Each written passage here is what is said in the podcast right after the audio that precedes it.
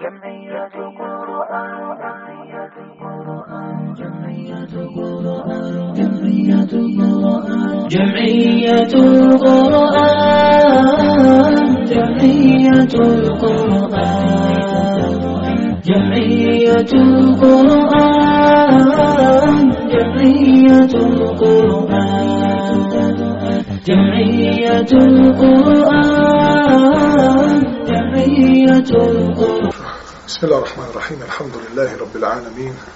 حمدا كثيرا كما أمر. اللهم صل على محمد وعلى آل محمد كما صليت على إبراهيم وعلى آل إبراهيم إنك حميد مجيد. وبارك على محمد وعلى آل محمد كما باركت على إبراهيم وعلى آل إبراهيم إنك حميد مجيد. اللهم علمنا ما ينفعنا وانفعنا بما علمتنا وزدنا علما يا كريم.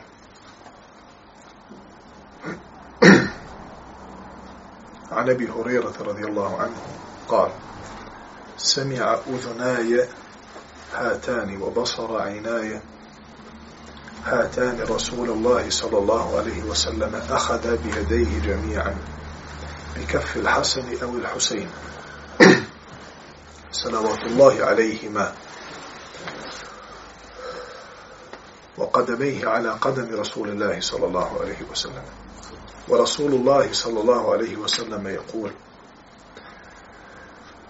ارقى فقال فرق الغلام حتى وضع قدميه على صدر رسول الله صلى الله عليه وسلم ثم قال رسول الله عليه الصلاة والسلام افتح فاك.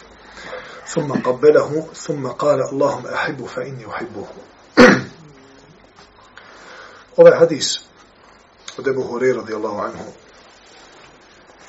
govori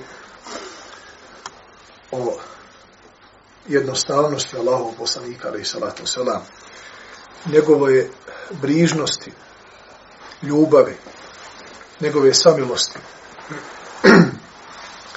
I na kraju krajeva njegove ljudskosti.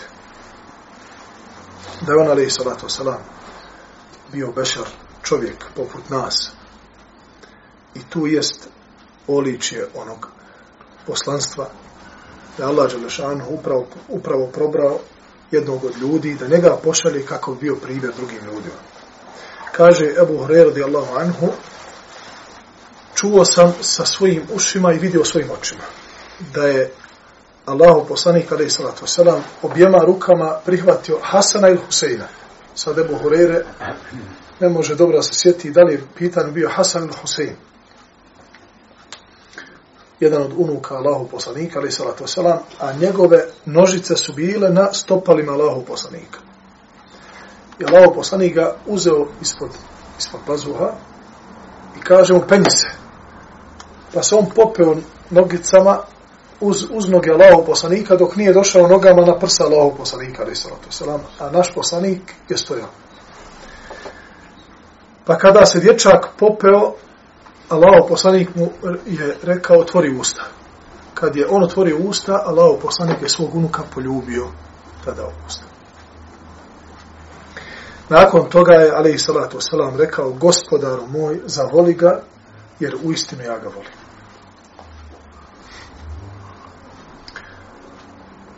Ova predaja, možda za nas, za naše podneblje, nije toliko, da kažemo, onaj, čudna. Zašto? Zato što u našem mentalitetu, u našim običajima je da se djeca ljube. I to je normalno kod nas. Međutim, morate znati da Allah poslanik alaih salatu salam to radi u doba kada je, kada je kod ljudi bilo sramota da ljube svoju djecu. Islam, eh, kada je došao sa određenim stvarima, Pa, na primjer, e, žena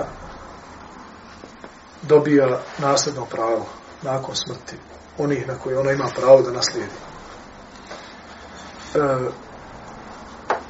niže, niže klasni ljudi, da li to bili robovi ili, ili neki drugi, oni također imaju svoja posebna prava u islamu.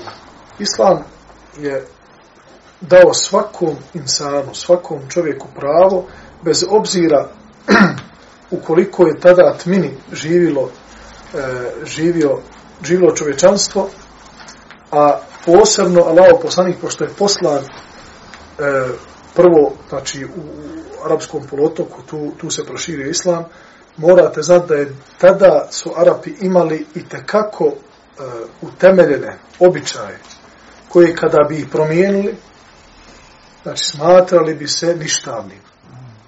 Pa dolazi Allahom poslaniku, ali salatu wasalam, čovjek koji želi da primi islam. I Allahom poslanik se igra sa, sa svojim unucima. Pa mu oni sjednu u krilu, pa i on poljubi, ali salatu wasalam u glavu. Kaže, entom takbiluna u. Kaže, vi ljubite svoju djecu. Šta je to? Otko sa to novo nešto? Pa kaže Allah poslanik ali salatu alejhi nisam ja kriv što je ti uzeti rahmet iz tvojih prsa iz tvoj, iz tvojeg srca.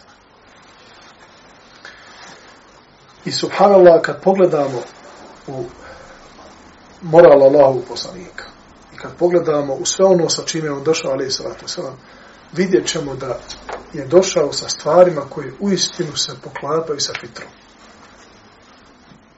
Jer nezamislivo bi bilo da jedan univerzalni islam dođe i kaže da je zabranjeno svoje dijete da poljubiš u čelo, u obraz, da se igraš sa njim, da ga držiš, da, da se, da čak u, onaj, u, u granicama, ne znam, ne, ja, izvodiš ne, neke stvari sa svojim djetetom, koji inače u ulici da uradiš, rekli da si budala.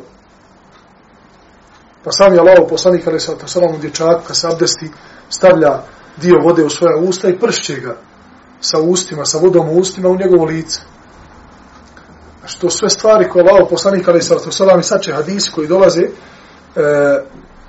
naredni hadisi govoriti na, na tu temu kako je Allah poslanik bio opušten sa svojim ashabima. Pored toga što je Allah Đelešanohu mu dao da bude posljednji vjerovjesnik, posljednji poslanik, imao je e, jasne zadatke, ali nikada nije izlazio iz okvira insanijeta i nikada sebi, ali salatu salam, nije dopustio da ljudi koji su oko njega osjete da on ima neku vrhovnu misiju i da se sad njih to ništa ne tiče i da on sad mora nešto da bude u nekakvom svom svijetu, on nikada ali salatu salam. Do te mjere da je znao sa sahabima ostati nakon sabaha namaza i oni bi ponekada ostali do izlaza sunca i pričali bi o nekim dogodošćinama koje su bile smiješne. Da li bile iz predi, iz džahilijeta ili tokom islama koji, koji se dešavala s hadma. Allah poslanik ih ne bi napuštao, iako znamo da je to umbarek vrijeme posle sabaha, zikru, ali je, ali se to sam sjedio sa njima sve na vrijeme i kaže, moglo bi se na njegovom licu vidjeti osmije zbog onoga što su oni prepričavali od, od tih smiješnih događaja. Znači da je bio jedan od njih i da nije htio, ali i salatu salam, jedne prilike da se ljudi koji su oko njega osjećaju nelagodno, zato što on ima misiju poslaničku i sad oni moraju, ne znam, da šute, ne smiju da se našale, ne smiju, nije nikada, ali i salatu salam, bio takav do te mjere da su delegacije znale doći u Medinu, koji ne znaju Allahu poslanika, dolaze u skupinu među ashabima i kažu, ejne Muhammed, gdje je Muhammed? Ne mogu da ga prepoznaju, ne mogu da ga prepoznaju u međlisu Ebu Bekra, Omera, eh, Huzeife i, i ostalih vrli, vrli ashaba. Nije se razlikovao od njih, nije se isticao nešto posebno i, i, i, i u nekom, na nekom mjestu ili nekoj odori ili da su oni bili okrenuti prema njemu, nego to je bio međlis. Allaho poslanik, ali to salam je imao svoje drugove, imao je svoje vrijeme, vidjet ćemo sada predaje, predaje kada, kada govore o, o njegovom odnosu prema ashabima, i odnosu ashaba ili među drugima, kako je to bilo među njima. Također, Imam Buharija navodi poglavlje osmije. Poglavlje osmije, braćo moja, poglavlje osmije. Ne hadis, poglavlje. Znate zbog čega? Zato što Allah mi osmije toliko bitan u životu jednog insana, da su islamski učenjaci napisali knjigu tom o osmijesima Allahov poslanika. A vjerodostojne predaje koje govore o ovoj tematici kažu većinu vremena Allahov poslanik ali salatu wasalam kada bi se družio sa svojim ashabima provodio bi u osmijehu. Zašto? Jer u osnovi u osnovi Allah Đalešanhu je usadio u ljudska, u ljudsku prirodu ljubav i naklonost prema, vedro, prema vedrom licu. Svako od nas voli da susretne drugog čovjeka vedrog lica. Je li tako? Čak i ako odemo u ne, u, onaj, ne znam, da obavimo neku, neku potrebu ili u opštinu ili bilo koji drugu, drugi onaj birokratski onaj, šta ja znam, e, obaveza ili posao, volimo da oni koji nam rade taj posao, kome predamo dokument, da budu nasmijani vedra lica. Čim ga vidiš da se smrku, da je zabio dole glavu, nešto gleda po papirima, da je, jo, šta će, sad će me sad vratiti, neće tjeti. Kad te dočeka vedra lica, kao što to bude u nekim zemljama. Znači, ništa to ne košta. Osmije je formula koja čovjeku mijenjaju njegov pogled na svijet i mijenjaju odnos svijeta prema njemu. Allahom. Čovjek koji je nasmijan i koji je vedra lica, on mijenja svijet oko sebe i u istinu mijenja odnos svijeta prema njemu. Jer i mi sami kad nam dođe smrknuta osoba i zatraži nešto od nas, ako mi radimo neki posao koji, koji zahtijeva od nas drugačije kad nam dođe, opitajte ovih što rade za šalterima kako vam je kad vam dođe osmijenuta osoba i lijepo vas pozdravi i zatraži nešto od vas i kako vam je kad vam dođe neko smrknut ja imam prijatelja koji radi na šalteru i čiji je posao odgovoran i ne znam, pruža određene usluge i tako dalje, u državnoj firmi. On mi ovo priča svaki dan. Velika je razlika, kod nas ljudi smatraju da onaj čovjek koji sjedi za šalterom, da je on glavni odgovorni krivac ako njemu nešto fali u životu. A on zapošljen tu, da, ne znam, da i on obskrbi svoju porodicu, da eto, jednostavno tu je upao i tako. Allahum sta'an. Od Džerira, Ibn Abdullah, ashaba, Allahu poslanika, alaih salatu wasalam, se prenosi, kale, ma ra'ani Rasulullah sallallahu alaihi wasallam mundu eslemtu, illa tebessama fi vođi. Kaže Džerir, radijallahu anhu, od kad sam primio islam, nikada me Allahu poslanik alaih sallatu sallam nije sreo, a da se nije nasmio. Nikad ga nije sreo. Živjeli u Medini. Ko je bio u Medini, gradu Allahu poslanika alaih sallatu sallam, sada, znači, nakon ovih zadnjih proširenja i ovog, ovog harema koji sada postoji. Zakoliko možemo s jednog kraja harema doći do drugog. 3-4 minute, ali tako? Muškog hoda. To je bila Medina, grad Allahov poslanika, ali sad Nije Medina bila u doba Allahov poslanika kolika je sad. To su bile okoline Medine. Mesit Kuba sad uzmeš taksi za dvije, tri minute. To je bilo Allahov poslanik tri dana i tri noći ostao na Kubalu prije nego što je završio hijđru. To je bilo skroz drugo selo nasilje, daleko. Pa vidite tamo gdje, gdje je mesčid Osmana radijallahu anhu. To je bila pijaca ashaba pa bi ashabi klanjali namaz u džami Osma radijalanu i vraćali se na pijacu. 500-600 metara do, do mešćina Allahog poslanika. Nema već više. Uzmite korake i mjerite. Ali nisu odlazili jer, su, jer je suk, pijaca bila van Medine tada. Zamislite kolika je mala Medina bila. Džeri radijalanu, koji svi drugi ashabi, imaju svoje obaveze. Viđe Allahog poslanika na svakom namazu, viđe ga umeđu vremenu prođu pored kuće, poselame kaže Džerir kako sam primio islam. Nikada nije prošao pored mene da se nije rasmio. وقال رسول الله صلى الله عليه وسلم يدخل من هذا الباب رجل من خير ذي يمن على وجهه مسحة ملك فدخل جرير jednog dana Allahu poslanik sallallahu alejhi ve selleme hadis je vraćao kod Buhari i kod muslima u sahihu također, sjedio sa sahaba u mesčidu i kaže na ova vrata mesčida sada će ući najbolji menac. I na njegovom licu ima obris meleka.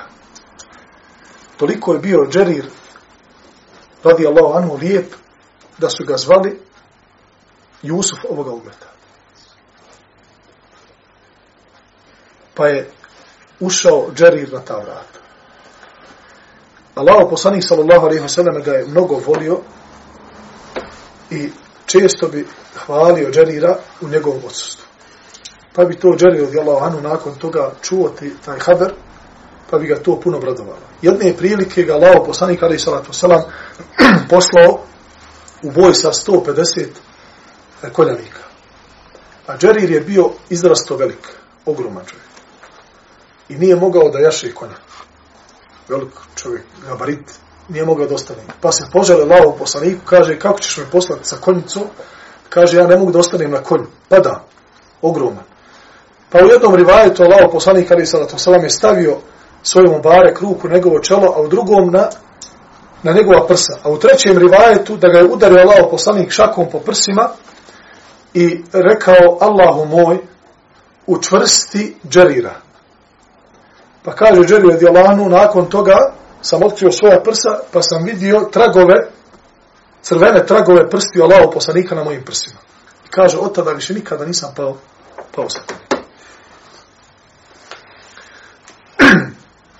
Pogledajte kako ovi rivajeti otkrivaju nam kolika je veza Allahov poslanika bila sa svojima sahabima. Kolika je to ljubav, brižnost, koliko su to detalji mali, ali bitni u, u odnosu Allahov poslanika ali salatu salam sa, sa sahabima. Pored toga što su ga oni volili imanski, jer ljubav prema Allahov poslaniku ali salatu salam je imanska. Kaže Omar radi Allah jedne prilike u Medini, Allahov poslaniče, ja te volim više od svega. Nakon sebe. Znači, prvo sebe volim najviše, iskreno onda tebe i nakon toga sve ostalo. Znači, nema prije tebe ništa. Kaže, kaže Allahu poslanik ali sallatu sallam, ja Omer lejsel ba'd. Kaže, nisi još Omer upotpunio. To jest, nisi još upotpunio svoj iman. Što hadis dokazuje da je ljubav prema Allahom poslaniku ali sallatu sallam, da ga voliš više od bilo kojeg drugog stvorenja, od kemalu imanu, potpunosti imana u Allaha Đalešanu. Znači, imanska je veza između nas i Allahov poslanika, ali sa to u pogledu ljubavi prema njemu. Sallallahu alaihi wa sallam. Pa je Omar radijallahu anhu zastao, razmislio i kaže, tako mi Allaha, ja te više volim nego samoga sebe. I to je bio odgoja sahaba. Oni su svoja imanska stanja stalno popravljali. Nije Allah Đalešanuhu njima dao potpunost imana, oni primili islam, ešhadu an la ilaha ila Allah, ešhadu an Muhammed Rasulullah, evo ga, evo Omera, evo Ebu Bekara. Radili su na tome, ispravljali su se. Koliko smo čuli da Allah, poslanik alaih salatu wasalam, ispravlja Omera? Koliko puta u njegovim odlukama, u njegovim namjerama, u njegovim pokušajima da onoga ko želi da nanese neko zlo ili neki je zijet Allahom poslaniku da ga spriječi, pa kaže, ja Omer, stani, stani Omer. Pa ga zaustavi ovde, pa ga pošalje ovde pa mu kaže šuti ovde. Dok nije izašao Omer el Faruk. Dok nije izašao Omer koji je dobio nadimak onaj koji može da rastavi istinu od neistine. El Faruk znači onaj koji može sposoban je da rastavi istinu od neistine. To mu je jedan od nadimaka. Drugi njegov nadimak da je on babul fitne, da je on vrata koji spre, koja sprečavaju ulazak fitne među muslimane. Nema, dok je Omer živ, nema fitne među muslimane. Tu su oni fitnaruši. Kruže oni oko Medine, igraju oni klikira tu, ali ne mogu on ništa. Ne smiju pisni. Omer prese, preselio radi anhu kao šehid, otvaraju se vrata fitne. Znači nisu oni tada rodili. Tu su oni bili. Ali Omer bio ta vrata koji Ali nije to bilo za jednu noć, jedan dan. Ovo sve govorim iz razloga da radimo na svome odgoju.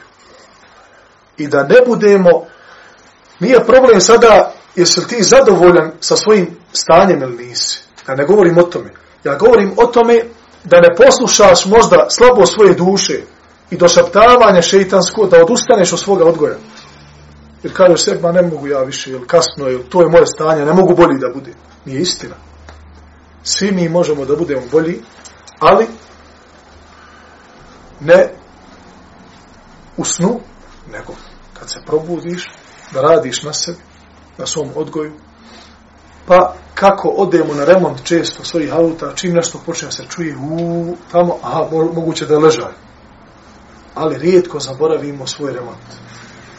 Rijetko, rijetko se sjetimo svog remonta, koji je Allaha mi preči i od auta, preči od kuće, preči od bilo čega drugog, jer sve je to manje bitno nego naša duša. Ona, će, ona je ta koja će ostati, ona je ta koja će polagati račun i ona je ta koja će biti usmjerena ili farikum fil dženne o farikum fil sa'ir. Od Aisha radijallahu anha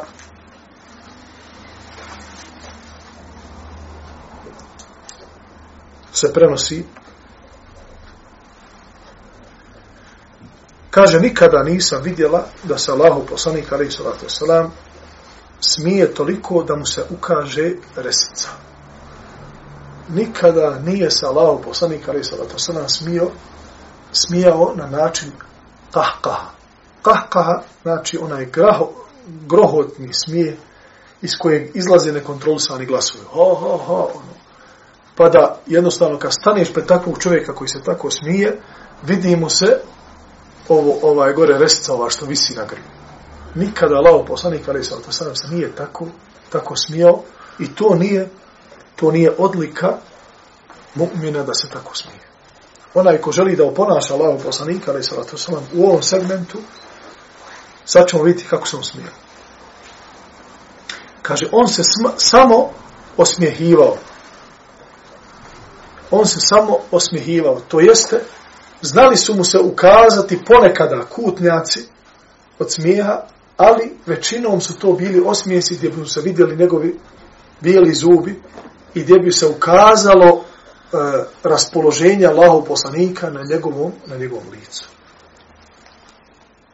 A da se vratimo na, na Džeri radijallahu ono što je bitno. Džeri radijallahu iako je bio plemenit ashab, svojim stasom i svojom ljepotom je privukao pažnju Allahu poslanika. Ali i salatu salam. I to, kome Allah to dadne, subhanahu wa ta'ala, to je dalike fadlu min Allah. To je Allahu fadlu, da nekome dadne posebnu ljepotu po kojoj on prepoznat. Međutim, Allahu poslanik kaže Džarir, pogledajte kako je opučuje na ono što je u istinu vrijedno. Jer ljepota nije od nas. Ljepota od Allaha Đelešana. I količina, hajde da tako kažemo, količina ljepote, nije to sa čime se ti treba da hvališ. I nemaš pravo da se hvališ jer to nije tvoje. I onda se čudom čuditi. A stvarno ne možeš se načuditi. Da pogotovo muškarci su tu manje manje ugriženi.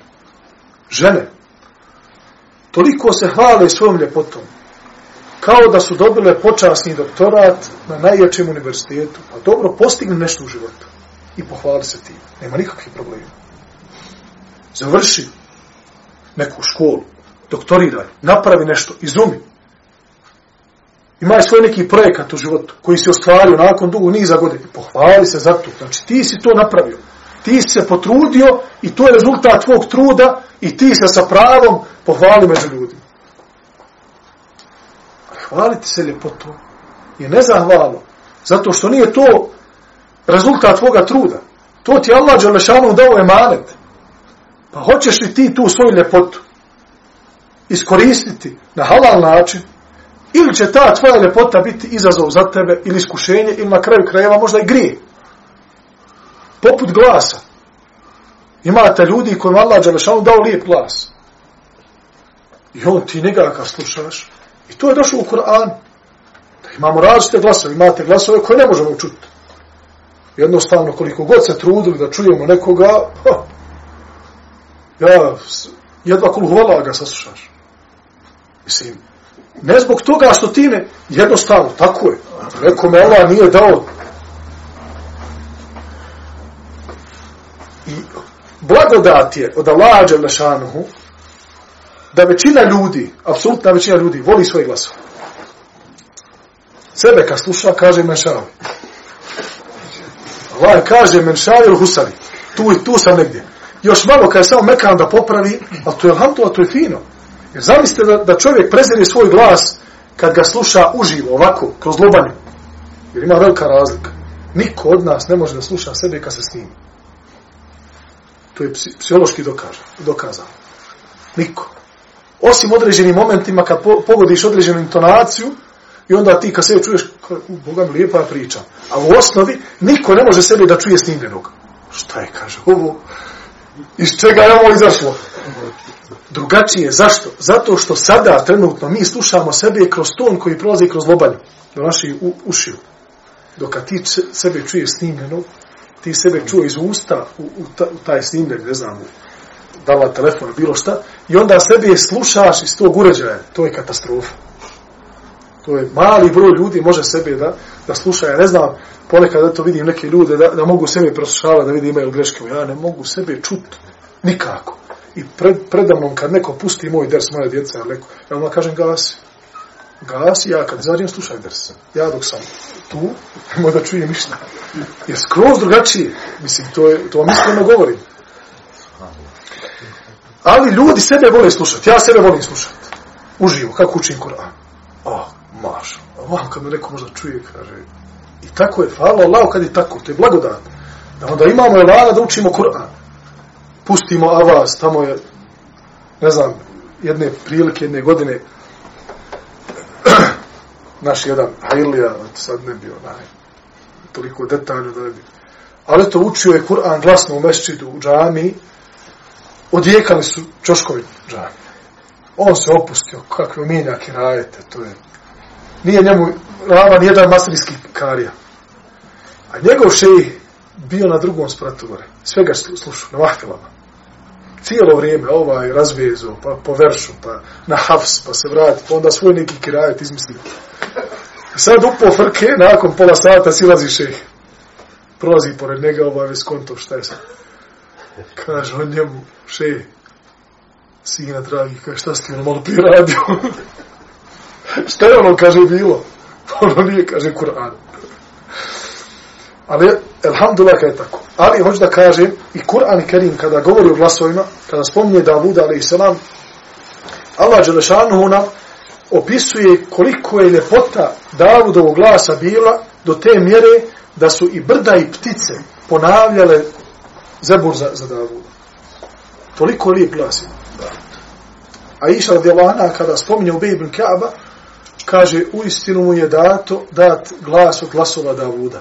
I Allah poslanik alaih salatu wasalam je volio da sluša u Bejbn Kaaba, pa je znao i zaplakati alaih salatu wasalam, pa ga Ubej pita jedne prilike, kaže Allah poslanik, kaže, zar, Allaho poslaniće, zar da ti učim Kur'ana tebi objavljam, kaže, volim da ga čujem od, od nekoga drugog. Pa je poslanik, sallallahu alaihi wa sallam, znao zaplakati e, slušajući Ubeja. Međutim, imate ljude kojima Allah Đelešanu dao lijepe glasove.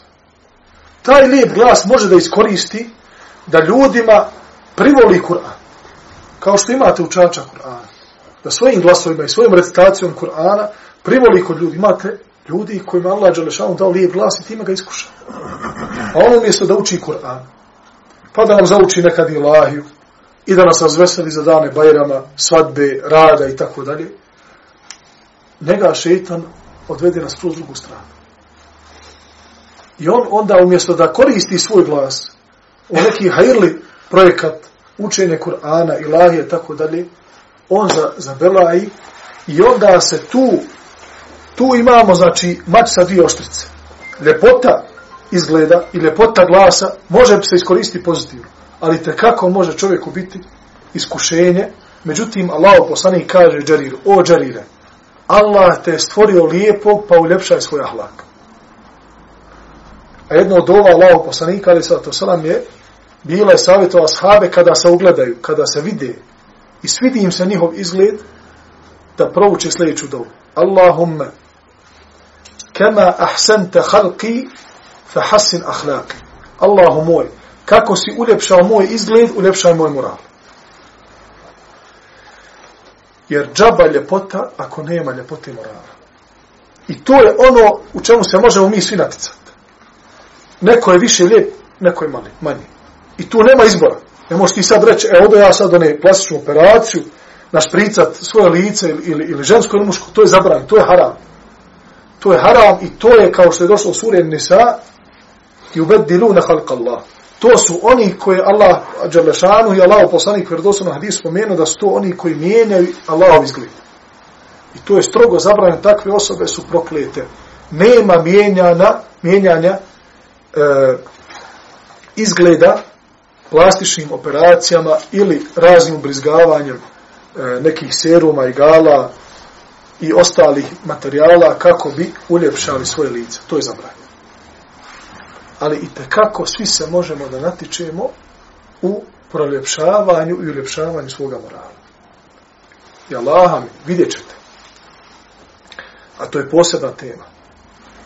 Da nerijetko u historiji Islama da ćete vidjeti da je Allah Đelešanu uzdigao oslobođene robove, crnce, koji se čak opisuju po ružnoći izgleda, ponekada po velikim očima, ponekada po velikim ušima, ponekada po dugom vratu, po ne znam nija, ne ovakvi ili onakvi, ali zbog znanja i morala koji su posjedovali, Allah Đelešanu je uzdigao na dunjalku i na hiretu. Pa su bili namjesnici, pa su bili islamski učenjaci, pa su vladari znali doći na njihova koljena da ih pitaju neko pitanje koje im treba.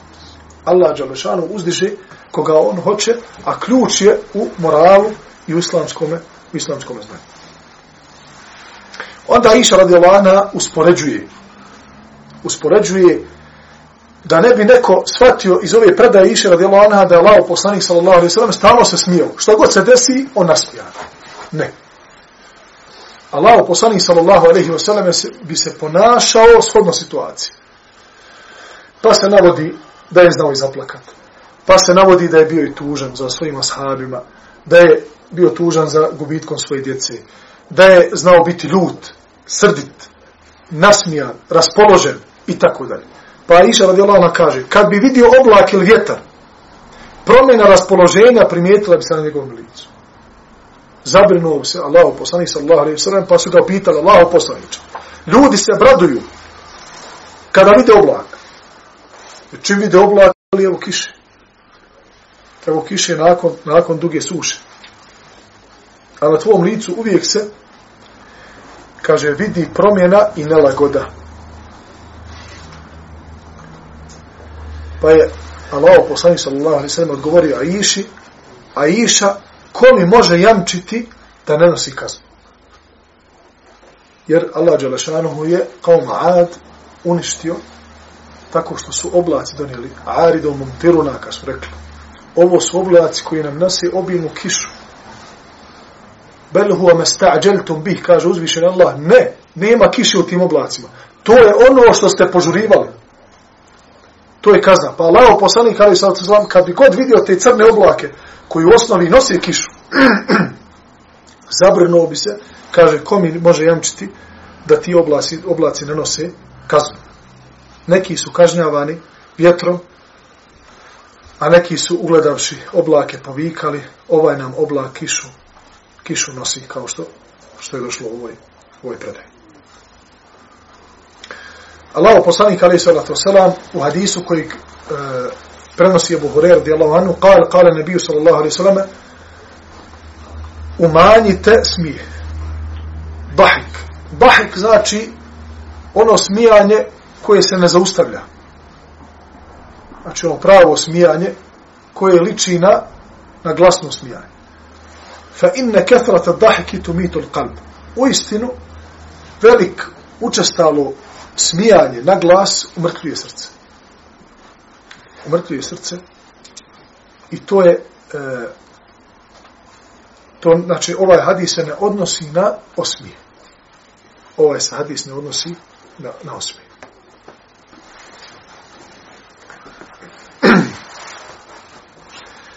Kod Bejhekija halalte kod Ibn Hibana je došlo predaja koju imam Buharija e, navodi od Ebu Hureyre radijallahu anhu također, da je izašao Allah poslanih sallallahu alaihi wa sallam i ugledao grupu ashaba kako se grohotom smiju. yadhakun. Pa im je prišao Allah poslanik i rekao, tako mi onoga u čoj ruci moja duša, da znate ono što ja znam, manje biste se smijali, a više plakali. Potreseni, alaihi salatu wasalam, riječima, ashabi se rasplakaše. A uzvišeni Allah Đelešanu mu objavi, kaže, o Muhammede, zašto rastužuješ moju robove?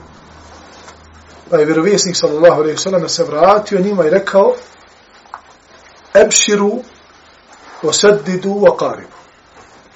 Kaže, radujte se, govorite istinu i budite umjereni. Pa im je vratio Allah poslanik ono raspoloženje koje su imali prije toga. Što govori također o jednom momentu, a to je da ponekada ljudi dobiju neka imanska stanja. I to je, to se dešava svakome. Da ponekad mu iman bude veći, ponekad manji. Ponekad hrliš da radiš dobra djela i sam si fokusiran na to, imaš jak elan i žar i želju, iman ti, pucaš od imana, ponekad nije tako. To, braćo moja, je iman koji Allah Đelešanu dao ljudima i nemoguće, nemoguće je da održe jedan iman. Ashabi, se, ashabi su se žalili Allahom poslaniku na takvo stanje. Nekad smo ovakvi, nekad smo onakvi. Pa Hanbala dolazi kod Ebu Bekra i kaže da je munafik, da je licemir. Kaže, zašto? Pita ga Ebu Bekra. Pa kaže, kad smo sa Allahom poslanikom, jednostavno kada smo u društvu, kada smo na dersu, kada smo u nekom, nekom hajli, sve bi dali za Allah i poslanika. Samo ahiret, to, maša Allah. Dođemo, kaže, kući. Opet, kaže ono, jalučko. Jesam, kaže, bio u podmiri, zaboravio si kajmak. Idi se vrati, ma neće se vrati. Ma neće ovo. Kaže, opet ona rutina. Gdje je ona, ona čvrstina?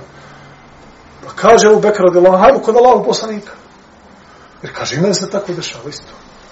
Je to licemjerstvo? Pa Allah poslanik sallallahu alaihi wa sallam je rekao, kada biste vi stalno bili u tom jednom stanju, kada dođete do, do vrhunca svog imana, sretali biste meleke putem i selamili se sa njima, rukovali se. Kaže, volakin sa'a o sa'a. Ali, kaže, sahat ovako, sahat onako. Pa borba. Sahat ovako, sahat onako. I ovde, ova predaja, volio bi da podijelim sa vama sljedeći. Ponekad ćeš ti, lično, brate, imati imansko stanje, koji će te jednostavno oraspoložiti, natjerate da radiš toliko dobrih dijela, ovde sadaka, ovde, ne znam, nasihat, ovde zikr, jutarnji, večerni. Imaće svoga baba pored sebe. Ili bit ćeš u društvu ljudi koji nisu na tom stepenu. U tom momentu, možda su oni prošli taj stepen, ili će, evo samo što im nije došao, ili nisu još dokučili tvoj stepen imana. Nemaš pravo, brate. Nemaš pravo da atakuješ na njih zbog njihovo nemarnosti u datim tim momentima. Nekada je upitan namaz, sad ti imaš svoga baba s kojim se družiš s brata muslimana i kindija namaz, ti kažeš namaz, kaže on, ne bi ja danas da klanjam. Što ne bi da klanjam? Ja ako te volim u ime Allaha Đalešanu, ja ću te uzeti za jaknu, jer slušaj, to si sad rekao i nikad više. Jel ti jasno? To je prava, pravi prijatelj koji ti ovako radi. Onaj koji ti kaže, ma ne moraš, brate. Pa ne moraš klanjati. Pa jedno, mišala džumalu. Ma hajde, ma bit će bolje. S tim prestali odnose. Prekriži ga. Odmah izbriši mu broj sad. Nema, to nije istinski prijatelj. I taj hadis nam dolazi uskoro. Da li ćemo ga spomenuti u ovom predavanju narednom? Allahu ala. Da onaj koji nasavjetuje svoga prijatelja na pogrešan način, on ga je pronevjerio. Fakad hane, on kaže, alaih salatu salam. Pronevjerio je svoga prijatelja. Izdao ga je ali imaju određene stvari. Zikr, učenje Kur'ana, oni, ne znam, ti marljivo već sat vremena učiš Kur'an, zikriš, udjelio se ovdje posle džume sergi, vidiš, ovaj brat nije izvadio ništa. Ti ideš ovdje sa njim, ti uzeo tespih u ruku. On šuti.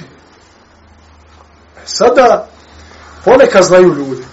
Iz te svoje ljubomore prema svome stanju, voli bi možda i svom bratu muslimanu tako isto, ponekad znaju možda da pogrena pogrešnom čak da nastane nekad i do problema, i da se pogrešno shvati, i da možda tjeraš ljude da ponekada budu na nekom imanskom stanju, koji nisu, oni tada u stanju da da postignu, nego zadrži to za sebe, brate moj, moli Allaha Đalešanuhu i savjetuj braću muslimani.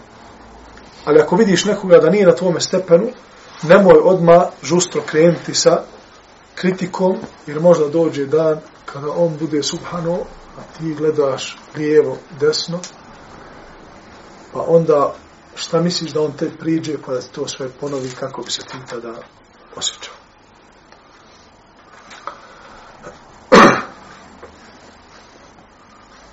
Toj.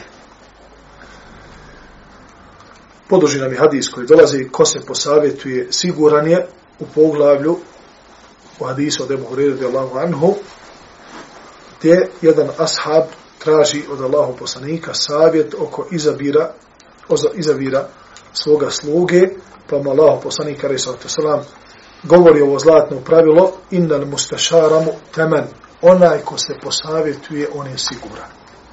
Pa ćemo o tome, inša Allah, ta'ala, načeti tu temu u sljedećem predavanju, molit ću Allah, Đalešanu, da nam se smiluje, da nam ukaže ono što je najbolje od dijela, govora, nijetova, morala i svega onoga što Allaha Đalešanu čini nama zadovoljni, sa nama zadovoljnim, molim ga subhanahu wa ta'ala da nam se smiluje, oprosti i učvrsti nas na pravom putu i da umremo samo kao muslimani. Aqulu qawli hada wa astaghfirullah li wa lakum. Subhanak Allahumma hamdika ashhadu an la ilaha illa anta astaghfiruka wa atubu ilayk. Assalamu alaykum.